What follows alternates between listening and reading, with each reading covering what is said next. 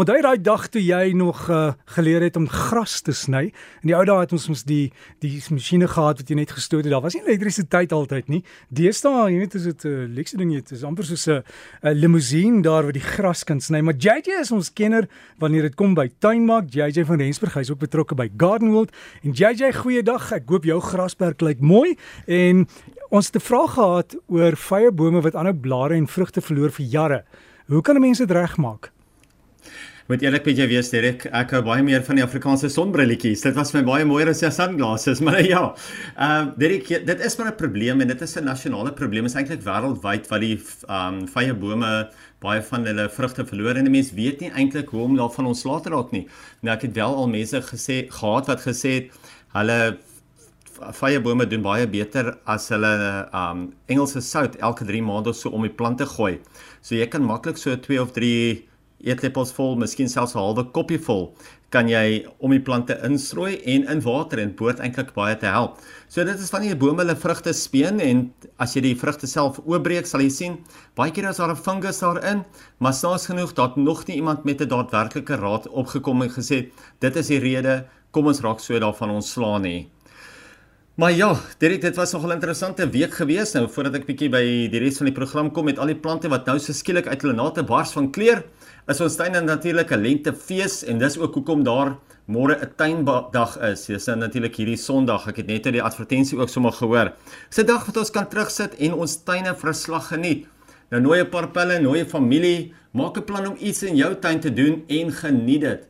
Nou heel jaar as mense in jou tuine beweeg, is dit gewoonlik om te werk of iets reg te maak. Maar nou is môre hierdie gilde geleentheid om die perfekte geleenthede in jou tuin te geniet of ietsie spesiaals daar te doen. Ek is ook bly om te sien dat die Johannesburgse tuinklub weer oop daar aanbied. Nou vandag en môre is daar twee tuine om te besoek tussen 10:00 en 5:00 um, in die dag. Nou die een tuin is in Dunkeld en die tweede een is in Inanda.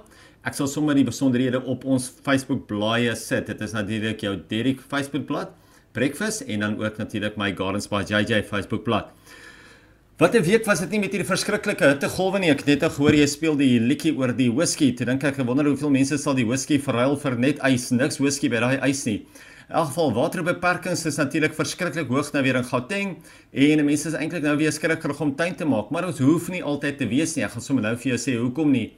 Mens moet ook op die oomblik baie versigtig wees met enige oop vure wat 'n mens maak. Ek weet die mense op die plase sê vir my hulle slaan nou elke dag, elke twee dag slaan hulle brande. So asseblief maak seker dat jy daai oop vure toemaak of doodmaak. 'n Paar jaar gelede het ek met die hittegolwe of die vorige hittegolwe gesê, ons moet bome plant in die tuine om ons tuine af te koel. Nou wat 'n ongelooflike ligversorger is 'n boom daarom nou nie. Ek persoonlik hou van bome soos jou karee, jou van wykshout en selfs ook jou heilboerboon wat natuurlik 'n baie meer gefiltreerde skaduwee gee en nie die hele tuin stik donker maak nie. Is dit nie nou tyd om dalk 'n paar bome te oorweeg vir jou eie tuin nie? Nou almal wil ook weet wat kan hulle nou doen om hulle tuine water in hulle tuine te kan spaar of natuurlik net gemaak om hulle hoe hoe nou gemaak om hulle plante net ten minste aan die lewe te hou met al hierdie watertekorte. Nou gewone dekklaar is by verre die maklikste manier om jou tuin om jou tuin te spaar en ook om die plante deur hierdie droë warm periodes te trek. Nou boombas, blare en neutdoppe, ek weet ons praat altyd van blare in die wintermaande. En daai mense wat wel nou daai blare gegooi het, kan nou dadelik sien hoe hulle die vrugte van daai blare afpluk. Maar boombas, blare en neutdoppe is natuurlik definitief die beste produkte as dit kom by dekklaar, want die dekklaar self word nie warm nie, is 'n organiese produk en hy word self nie warm nie en so maak hy ook dan nie die grond warm nie. Dit hou ook dan sommer terselfdertyd die wortels lekker koel. Cool. Ek het vroeër vanoggend het ek met 'n vetplantkweker gepraat wat weer eens bevestig het dat daar net soveel meer mense is wat ook vetplanttuine of sukkulenttuine begin maak. So dit maak natuurlik baie sin en as jy 'n kolletjie in die tuin het wat jy nie altyd aan aandag kan gee, waar jy nie altyd by uitkom om water te gooi nie, kyk bietjie uit of jy nie dalk vir jou 'n pragtige sukkulent of 'n vetplantbedding daar moet begin nie. So rukkie terug het ons gepraat van ons grasperke en natuurlik dekklaar wat ons op die grasperke kan gooi. Met almal se grasperke wat nou vinnig na die winter weer mooi begin groen word, is die eerste groen wat gewoonlik deurkom ook onkruide. Nou ek sou definitief 'n selektiewe breë blaar onkruiddoder aanbeveel het wat nie jou gras self sal dood nie, maar selfs die onkruide, maar slegs die onkruide.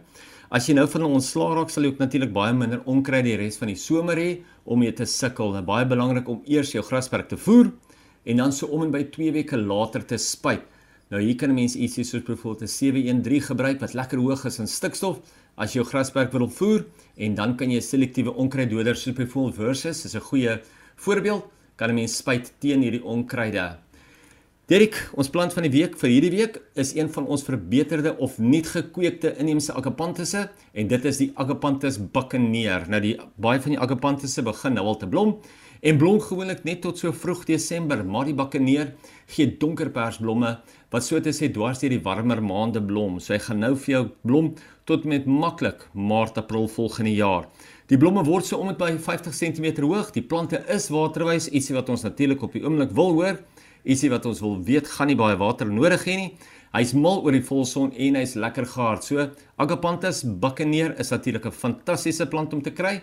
En dan wil ek net weer eens gou gesê, geniet môre, geniet tuindag in jou eie tuin en as dit kan, gaan besoek bietjie weer daai oop dae van die Johannesburg se tuinklub. Ek sit sommer vir ons die detail op Facebook soos ek gesê het. Okay JJ, ek hoop om van daai tuine so hierdie einde van die maand te gaan kyk in Johannesburg. Maar jy moet 'n goeie dag hê, geniet jou tuindag môre en sterkte met die grasperk en dankie vir al die raad en ek hoop ons tuine sal goed doen. So gesels JJ van Rensburg dan en hy het vir ons al die tuinraad en die fotos is nou op die Breakfast Facebook bladsy geplaas. Jy kan daar gaan kyk hoe lyk ons plant van die week. Lekker tuin maak.